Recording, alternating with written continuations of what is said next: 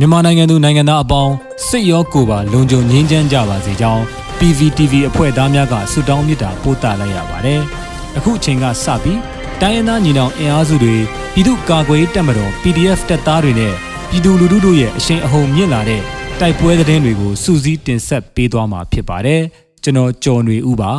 ။ပထမဆုံးအနေနဲ့တမူးကလေးလမ်းပိုင်းမှာစစ်ကောင်စီကားနှစ်စီးကိုတမူး PDF တပ်ရင်း3ပြစ်ခတ်တိုက်ခိုက်ပြီးတနအီကန်တိုက်ပွဲပြင်းထန်က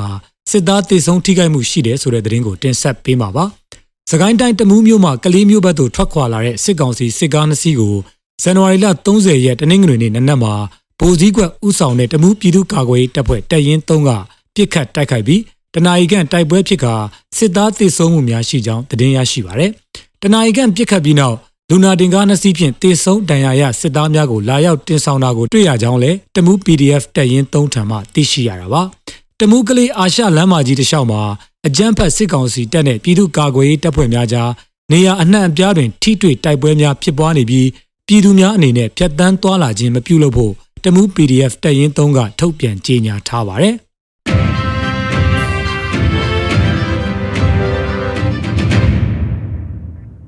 ဆက်လက်ပြီးပလဲမင်းတုံးနဲ့မြိုင်မြို့နယ်တို့မှာတိုက်ပွဲဖြစ်ပြီးစစ်ကောင်စီတပ်ဖွဲ့ဝင်9ဦးထက်မနည်းတေဆုံးတဲ့တဲ့ရင်ကိုတင်ဆက်မှာပါ။ စကိုင်းတိုင်းပလဲမြို့နယ်မကွေးတိုင်းမြိုင်မြို့နယ်နဲ့မင်းတုံးမြို့နယ်တို့မှာတိုက်ပွဲများဖြစ်ပွားပြီးစစ်ကောင်စီတပ်ဖွဲ့ဝင်9ဦးထက်မနည်းတေဆုံးကြောင်းဒေသကာကွယ်ရေးတပ်ဖွဲ့များ၏သတင်းထုတ်ပြန်ချက်အရသိရှိရပါတယ်။ဇန်နဝါရီလ29ရက်နေ့ညနေ4နာရီခန့်အချိန်စကိုင်းတိုင်းပလဲမြို့နယ်မှာအောင်ဆန်းတပ်ဖွဲ့နဲ့ပလဲပကဖမဟာမိတ်တပ်ပေါင်းစုသည်စစ်တပ်နဲ့ပြူစောတိများအခြေချရာဇီးပြူကုန်းရွာကိုဒရုန်းဖြင့်တိုက်ခိုက်ခဲ့ပြီးစစ်ကောင်စီတပ်ဖွဲ့ဝင်9ဦးသေဆုံးကြောင်းထုတ်ပြန်ပါတယ်။အလားတူ မကွေးတိုင်းမြိုင်မြို့နယ်မှာ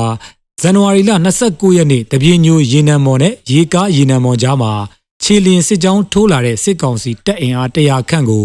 မြိုင်မြို့နယ်ပြည်သူ့ကာကွယ်တပ်ဖွဲ့ကမိုင်းဆွဲတိုက်ခိုက်ရာစစ်ကောင်စီတပ်ဖွဲ့ဝင်2ဦးသေဆုံးပြီးဒဏ်ရာရရှိသူများလည်းရှိကြောင်းမြိုင်ပြည်သူ့ကာကွယ်တပ်ဖွဲ့ကသတင်းထုတ်ပြန်ပါတယ်။အလားတူမကွေးတိုင်းမင်းတုံးမြို့နယ်မှာဇန်နဝါရီလ29ရက်နေ့ည8:00နာရီဝန်းကျင်အချိန်စစ်ကောင်စီတပ်များနဲ့ PDF များတိုက်ပွဲဖြစ်ပွားကြောင်း စစ်ကောင်စီဘက်မှအများအပြားတေဆုံးပြီး PDF ဘက်မှလည်း2ဦးတေဆုံးကြောင်းသိရှိရပါတယ်။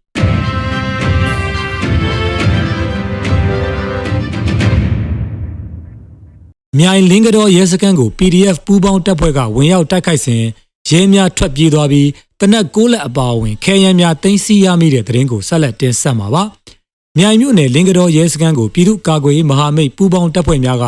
ဇန်နဝါရီလ29ရက်စနေနေ့မွန်းလွဲပိုင်းမှာဝင်ရောက်တိုက်ခိုက်ခဲ့ပြီးအဆိုပါစခန်းကိုမိရှို့ဖျက်ဆီးခဲ့တယ်လို့သတင်းရရှိပါရယ်။တနအီကန်တိုက်ပွဲဖြစ်ပွားပြီးနောက်အဆိုပါစခန်းရှိမိသားစုဝင်များကိုဖမ်းဆီးရမိတော့လဲပြည်သူလူထုဘက်တွင်ရက်တီကြရန်မှာကြားပြီးလွှတ်ပေးခဲ့ကြောင်းမြိုင် PDF ကသတင်းထုတ်ပြန်ပါရယ်။အဆိုပါလင်္ကတော်ရဲစခန်းကိုမြိုင်ရေစကြိုစလင်းကြီးဒေသကာကွယ်ရေးတပ်ဖွဲ့များကပူးပေါင်းတိုက်ခိုက်ခဲ့ခြင်းဖြစ်ပြီးရဲတပ်ဖွဲ့ဝင်များထွက်ပြေးသွားက G3 9လက်နဲ့ G400 ဦးစီ3လက်နဲ့ကြည်200 6လုံးပြူးတစ်လက်ဘုံသီး9လုံး laptop 2လုံး printer 1လုံးဆိုင်ကယ်4စီးသိမ်းဆည်းရမိခဲ့ပါတယ်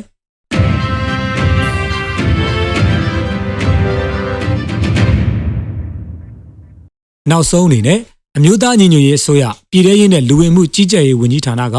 2022ခုဇန်နဝါရီလ30ရက်ရက်စွဲနဲ့ထုတ်ပြန်တဲ့ပြည်သူ့ခုခံတော်လှန်စစ်တရင်အချက်လက်တွေကိုတင်ဆက်ပေးသွားမှာပါ။အာဏာသိမ်းအကြမ်းဖက်စစ်အုပ်စုရဲ့ ပြည်သူလူထုအပေါ်အကြမ်းဖက်ဖိနှိပ်ဖမ်းဆီးတိုက်ခိုက်တပ်ဖြတ်နေမှုများကိုပြည်သူလူထုတရက်လုံးကအသက်ရှင်တန်ရေးအတွက်မိမိကိုယ်ကိုမိမိခုခံကာကွယ်ပိုင်ခွင့်အရာပြည်သူခုခံစစ် People's Defensive War ကိုဆင်နွှဲလျက်ရှိပါတယ်။သတင်းအချက်အလက်များအရ29ရက်တလ2022ရက်စနေနေ့မှာစစ်ကောင်စီတပ်ဖွဲ့ဝင်46ဦးသေဆုံးပြီးထိခိုက်ဒဏ်ရာရရှိသူ10ဦးအထိခုခံတိုက်ခိုက်နိုင်ခဲ့ပါတယ်။စစ်အာဏာရှင်စနစ်မြမအမျိုးပေါ်မှာအပြည့်တိုင်ချုပ်ငင်းရေးနဲ့ Federal Democracy တိဆောက်ရေးအတွက် ငြိမ်းချမ်းစွာဆန္ဒပြတဲ့လူထုတပိတ်တိုက်ပွဲများကပြည်내နဲ့တိုင်းဒေသကြီးများမှာဆက်လက်ဖြစ်ပွားပေါ်ပေါက်လျက်ရှိပါတယ်။မြေပြင်မှာတော့ယခုတွေ့ရတဲ့သတင်းအချက်အလက်များထက်ပို၍ဖြစ်ပွားနိုင်ပါတယ်ခင်ဗျာ။